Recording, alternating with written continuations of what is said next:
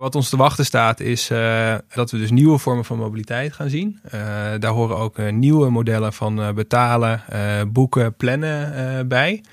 En daar is een ondersteunend ecosysteem voor nodig. Welkom bij Tech Onderweg, een nieuwe podcastserie van Fleet Complete. Mijn naam is Yvette Houtgraaf. In deze podcast spreek ik met journalisten, wetenschappers en mensen die veel onderweg zijn over de automotive industrie en de ontwikkelingen daarin.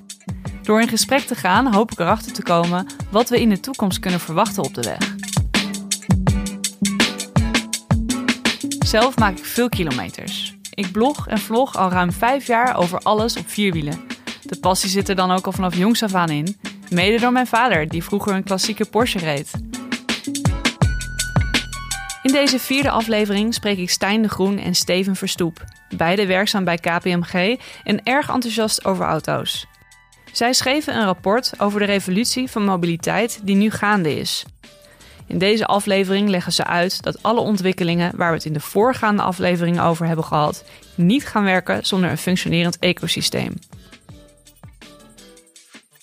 Nou, welkom Stijn en Steven van uh, eh, KPMG. Dankjewel. Leuk dat jullie er zijn. Dankjewel. Nou heren, om mee te beginnen, wat rijden jullie zelf? Ja, uh, ik heb een klein beetje een uit de hand gelopen hobby. Namelijk dat ik uh, alleen maar Franse auto's uh, rijd. En het zijn er ook nog best wel veel. Okay. Ik heb twee Peugeot 205. Het, uh, het sterke nummer uh, uit uh, de jaren 80 en 90, wat eigenlijk het PSA-concern destijds gered heeft. Ja. Een cabrio. Ook een GTI'tje? Of? Geen GTI. Okay. twee 1100'tjes, dus die hebben slechts 60 pk, maar daardoor niet minder plezier. Heel fun, ja. Ja, en een Peugeot 404 uit 1968. Oh, kijk. En het paradepaardje uit de collectie is een Talbot Matra Murena uit 1981. Uh, dat, dat hebben wij stiekem uh, al een beetje zitten googlen. Ja, een beetje vooronderzoek gedaan naar deze auto. Beschrijf hem eens. Het is een uh, Franse sportauto uit de jaren 80. eigenlijk een onderdeel was het destijds van Simca. Overgenomen ook door PSA eind jaren 70. En het is een, een sportauto met drie stoelen voorin. En de motor die ook afkomstig is van Simca achterin. En daardoor is het best wel een excentrieke verschijning. Ja, heel en, bijzonder. Ja. En Stijn, heb jij ook drie stoelen in je auto? Ja, of, ik heb ook uh, heel veel verschillende auto's. Uh, we zijn allemaal niet van mezelf. Dat scheelt natuurlijk een hoop geld. Um, ik heb een zakelijke auto. Uh, dat is nog een traditionele benzineauto. Een BMW 1-serie. Mag je dat hier wel maar, dan? dat mag ik vertellen. Want ik heb daar ook nog het co-ouderschap op een Jaguar I-Pace. En de Jaguar Ah. I-Pace is echt een fantastische auto. Um, naast dat hij fiscaal heel, heel, aantrekkelijk is, gaat hij ook nog echt heel erg hard van 0 naar 100. Hij heeft alleen één nadeel. Um, je kunt er niet extreem lang mee rijden. Want nee, want die range viel heel erg tegen. Ja, hè? je Daar was wel heel veel over te doen. Ja, je moet hem af en toe opladen en dat duurt heel erg lang. Um, dus uh, een collega van mij die deze auto heeft, die uh, wisselt één keer per twee weken voor een week.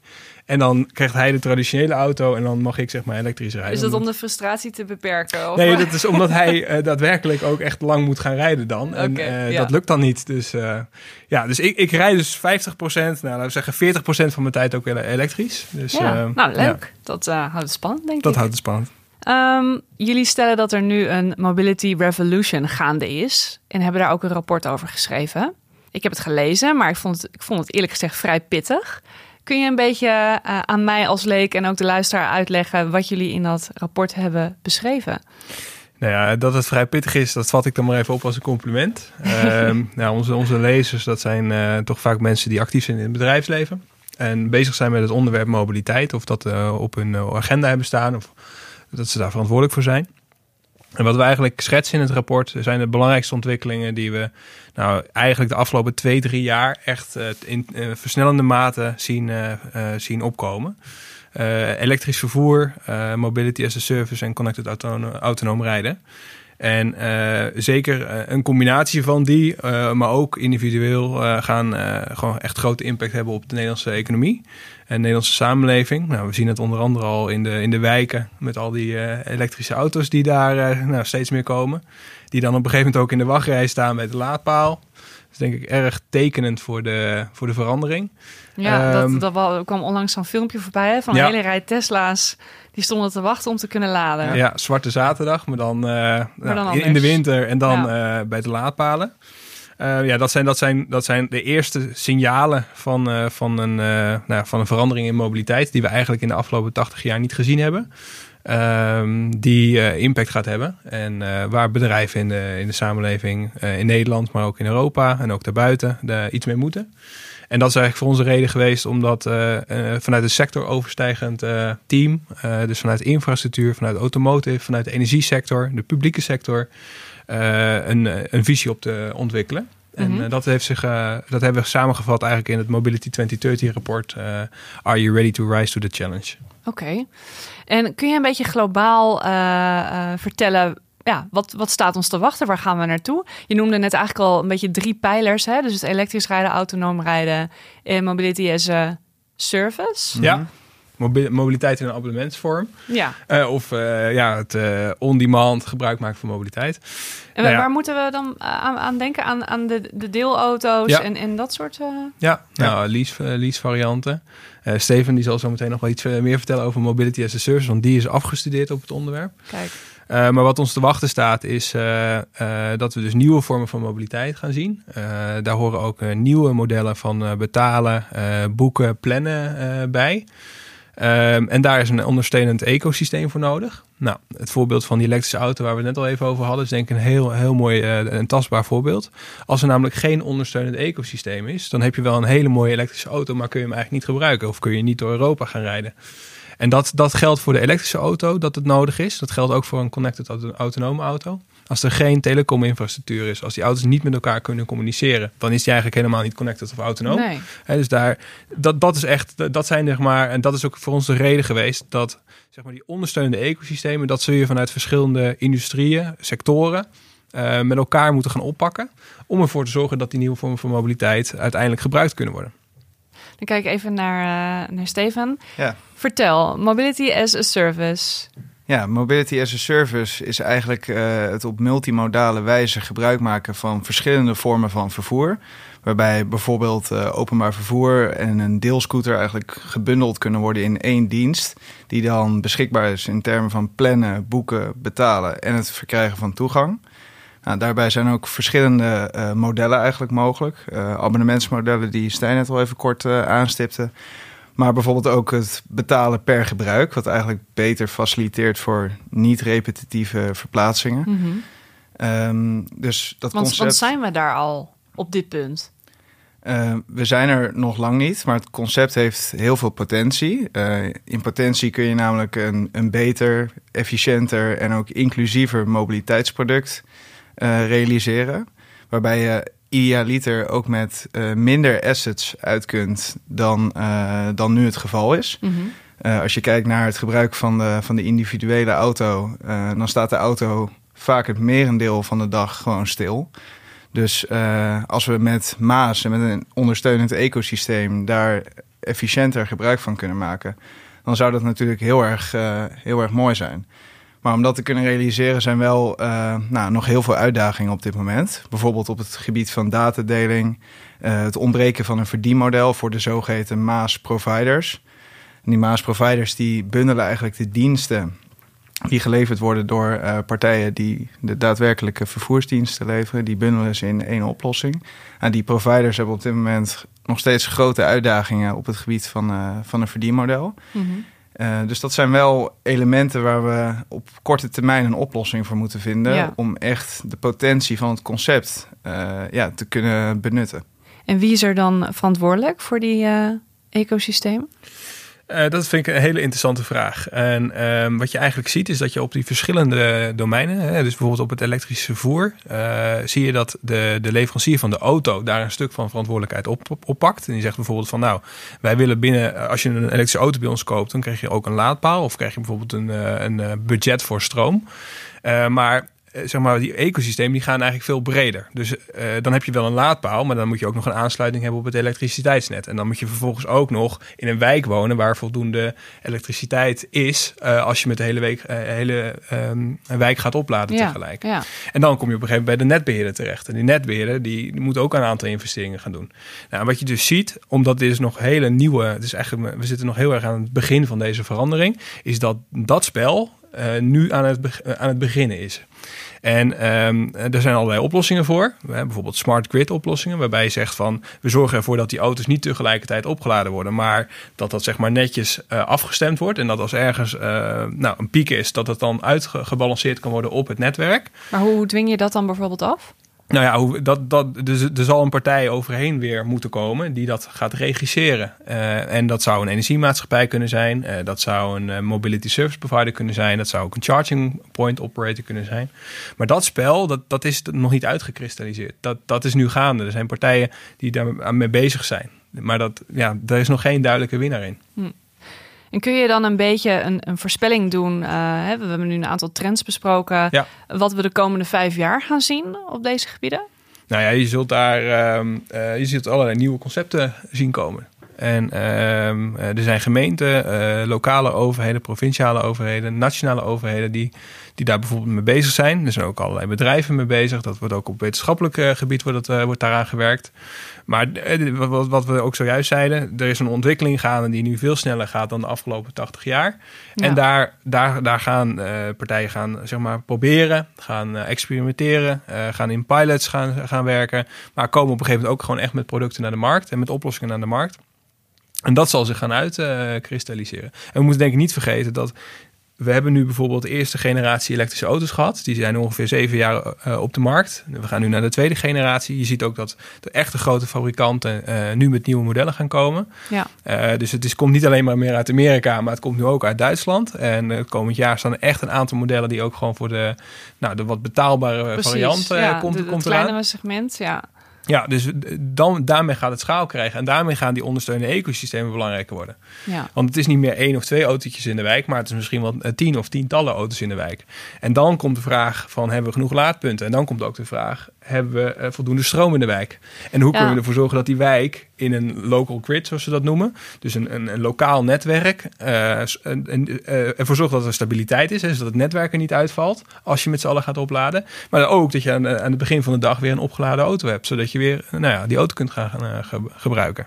Want lopen wij nu een beetje achter de feiten aan? Om bijvoorbeeld het voorbeeld te nemen dat er niet genoeg laadvoorzieningen zijn. Is dat iets waar we zo gaandeweg achter zijn gekomen en nou een soort van iets hebben van oeps, ja, het is toch wel erg druk? Uh, ik denk dat uh, dit gevoed wordt door de noodzaak om te verduurzamen, die heel erg urgent is. En als je kijkt naar uh, hoe lang het geduurd heeft om de infrastructuur voor fossiele brandstoffen ja, eigenlijk op te zetten tot de standaard die het vandaag de dag is, dat heeft ruim 100 jaar geduurd. Ja, als je dan kijkt hoe we nu versneld eigenlijk moeten transformeren naar emissievrij, ja, dan impliceert dat direct dat er hele grote uitdagingen mee ja. gemoeid zijn. Ja, een hele grote bedragen. Een hele grote bedragen. En wat Stijn net al even kort aangaf, uh, op de lokale grids, als iedereen op hetzelfde moment wil laden, dan uh, is dat huidige uh, netwerk daar niet optimaal voor ingericht. Om die vraag en aanbod eigenlijk goed te kunnen, te kunnen verwerken. Dus daar is inderdaad investering in nodig, in slimme laadoplossingen, waarbij dus ook verschillende nieuwe modellen ontstaan. En hoe dat zich zal manifesteren, ja, dat is momenteel misschien nog de vraag. Nou, vehicle to grid is bijvoorbeeld een van die oplossingen. Waarbij er dus een, uh, nou, een aggregator tussen uh, eigenlijk de individuele uh, nou, autobezitters en de lokale grid operator komt. Die eigenlijk alle batterijen van die afzonderlijke auto's kan beheren. ten einde vraag en aanbod ja, beter op elkaar te laten aansluiten is één van die oplossingen. Ja. Uh, maar er zijn er nog heel veel meer. En dat is dan ook gelijk wel de kans die, uh, die hierbij ontstaat. Er zijn heel veel uitdagingen voor bestaande bedrijven. Maar er ontstaan ook weer nieuwe kansen door nieuwe investeringsmogelijkheden. Wat je dus ziet is dat de overheid uh, op een bepaald moment gezegd heeft... en dat is, ik denk rond 2010, misschien net iets daarvoor... van wij kunnen met ons fiscale beleid uh, de, de, de nieuwe verkoop van auto's en daarmee het wagenpark van de Nederlandse samenleving, kunnen wij eigenlijk versneld verduurzamen. Dus wat er op, op, dat moment gebeurd is, er zijn er is in ieder geval een BPM-prikkel gekomen. Waarbij als je een lagere CO2-uitstoot hebt in de auto, dat je dan minder BPM hoeft af te dragen. Maar ook in, bij zakelijke rijders heeft de overheid bedacht: laten we daar een, een lagere bijtelling hanteren. Zodat we, de, dat, zodat we zuinigere auto's met minder CO2-uitstoot gaan stimuleren. Nou, dat beleid heeft tussen 2000, ik zeg even grofmazig, vanaf 2010 tot nou, 2014, 15 is dat ongeveer het beleid geweest. Daar, wat je daarin zag was dat auto's met een hele lage CO2-uitstoot, uh, die betaalde je bijna geen BPM op, uh, maar ook bijna geen bijtelling over. Nou, dat zag je ook in de verkopen van nieuwe auto's. Uh, en dat beleid is nu een beetje aan het verschuiven. Want uh, op een gegeven moment reden allemaal plug-in hybrides met, uh, met weinig CO2-uitstoot op papier. Ja, die, die maar in gewoon niet gingen laden, want die reden gewoon lekker door. Werd er minder geladen dan verwacht, ja. laat ik zo zeggen. Toen is het beleid wat meer verschoven naar volledige batterij-elektrische auto's. Nou, wat je nu ziet is dat dat ontzettend veel succes heeft gehad. Want Nederland staat echt voorop in de nieuwverkopen van elektrische auto's. Wat je nu ziet is dat vooral marktpartijen uh, steeds meer uh, nou, de overheid beginnen op te roepen om, om daar wat meer gebalanceerd beeld in te creëren. Want je, eh, je ziet dus dat die batterij-elektrische auto eigenlijk overgestimuleerd is de afgelopen jaren. Nou, dat, dat wordt nu weer, weer, dat, wordt weer wat genormaliseerd. Dus die, uh, die incentives die worden weer wat naar beneden bijgesteld. Maar het beleid van alles in één keer batterij-elektrische uh, auto's, ja, daarvan zegt de industrie eigenlijk: is dat wel zo verstandig? Kunnen we niet beter naar een, um, een wagenpark gaan waarbij we verschillende vormen van duurzamere uh, energievoorziening naast elkaar laten bestaan? En dat is eigenlijk, vroeger was dat ook zo, want toen hadden we ook, dat noemden ze dan de brandstofmix, waarbij, je zag, waarbij de overheid een beeld had, nou, zoveel procent zou ongeveer diesel moeten zijn, zoveel procent zou ongeveer benzine moeten zijn, zoveel procent zou LP, LPG moeten zijn. En daar, dat zat, daar zat een soort van model achter, zodat het een soort van gebalanceerde brandstofmix was. Nou, en dat, dat is eigenlijk de afgelopen tien jaar behoorlijk verstoord geweest. En wat je merkt in de industrie is dat de industrie nu zegt van joh, het zou toch wel weer prettig zijn als we daar, als we daar weer een beetje naartoe gaan. Dus jij 100... denkt dus niet dat we straks allemaal verplicht worden elektrisch te rijden? Nou, we zullen wel verplicht worden om minder CO2 uit te, uit te stoten. Maar uh, de oproep vanuit de industrie, dat, is, dat zijn ook vaak onze klanten. De overheid is natuurlijk ook vaak onze klant, maar de oproep van de industrie. En je merkt het ook wel van bijvoorbeeld uh, de netbeheerders. De, uh, dus je afgelopen week, ik weet niet of de kranten daarover hebben kunnen naslaan, maar Alliander, of sorry, ik moet zeggen Liander, de, de netbeheerder, heeft ook opgeroepen van er moeten behoorlijke investeringen in het energienetwerk worden gedaan. Um, nou, ten eerste, uh, denk daarover mee. Denk daarover na. Zorg ervoor dat die investeringen plaatsvinden. Maar ten tweede ook, van, het, het is niet zo dat we even aan één knop draaien en dan heel veel elektrische auto's hebben. En dat we daarmee zeg maar helemaal uit de problemen zijn. Want die energie, die wordt ten eerste ook nog met grijze stroom opgewekt. Nou, dan vragen ze of dat natuurlijk duurzaam is. Uh, maar ten tweede, uh, we hebben op dit moment gewoon te weinig infrastructuur om 9 miljoen auto's op elektrisch te laten rijden nee. met een batterij. Dus misschien is het wel verstandig om daar misschien nog wel een deel uh, zuinige hybrides. Nou, waterstof is misschien een andere discussie, want daar hebben we nog niet zo heel veel voertuigen van die we op de markt zouden kunnen brengen. Nou, nee, maar dat is een beetje kip en het ei verhaal, toch? Ja, dat is, dat is wel het kip en ei verhaal. Want als er heel veel vraag is, dan zullen de fabrikanten misschien wat sneller gaan ontwikkelen. Maar we weten natuurlijk ook allemaal dat een, een, een doorlooptijd van de ontwikkeling van een auto, ja, dat doe je niet in een dag. Hè. Dus als je dat een beetje snel doet, zou het in een jaar of vijf kunnen. Normale autofabrikanten die doen daar tussen vijf en zeven jaar over. Ja, maar Toyota dus, heeft het al heel lang. Toyota, ik blijf me over verbazen ja. namelijk dat dat zo'n achtergebleven kindje is. Alsof we inderdaad onszelf ja. blind staren op elektrisch en iets anders is er niet. Ja, dat heeft vooral te maken met het rendement om waterstof op te wekken. Dat rendement is nog, is nog aan de lage kant. Zeker als je het vergelijkt met uh, als je zeg maar, een batterij oplaadt. Nou, daar, daar, gaat weinig energie verloren. Maar om waterstof te produceren, dat wordt vooral nu op, uh, in de industrie gebruikt. Dus eigenlijk nog helemaal niet in transport.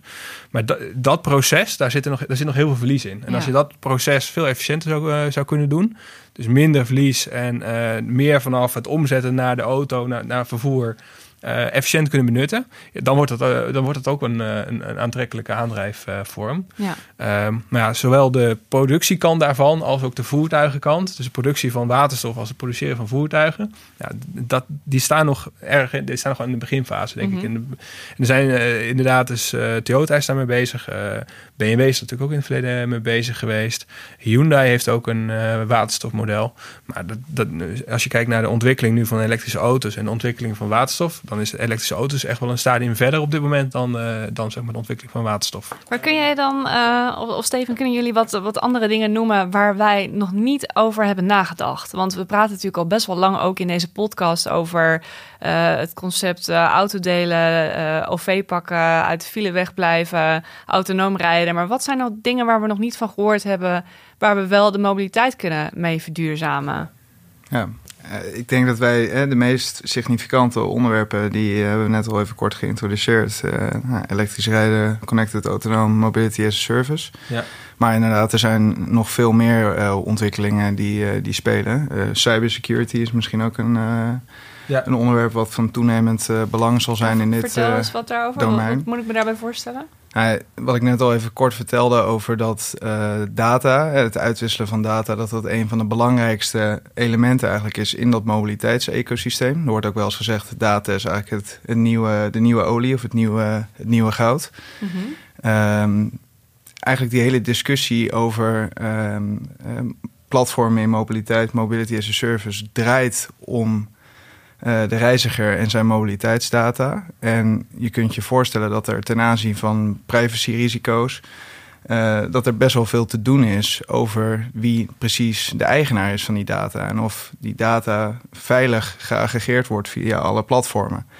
Uh, dus cybersecurity is denk ik een van die belangrijke onderwerpen om daar hele effectieve mechanismes voor te hebben. Zodat die uh, data van de reiziger altijd gewaarborgd blijft. En dat die dienst ook altijd ten behoeve van de reiziger geleverd kan worden.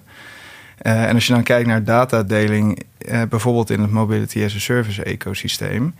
Um, dan moet dat zich eigenlijk tot een minimum beperken om die integrale dienst te kunnen leveren.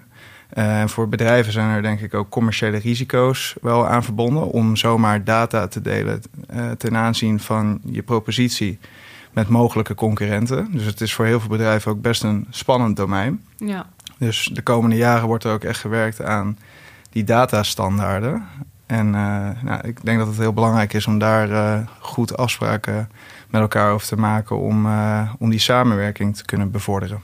Ja, ik denk dat dat wel echt het, het nieuwe daaraan is de komende jaren vooral dat samenwerken en die, uh, we noemen dat aggregators. Dat zijn dus partijen die dus verschillende vormen van mobiliteit, verschillende datastromen, verschillende geldstromen eigenlijk bij elkaar brengen.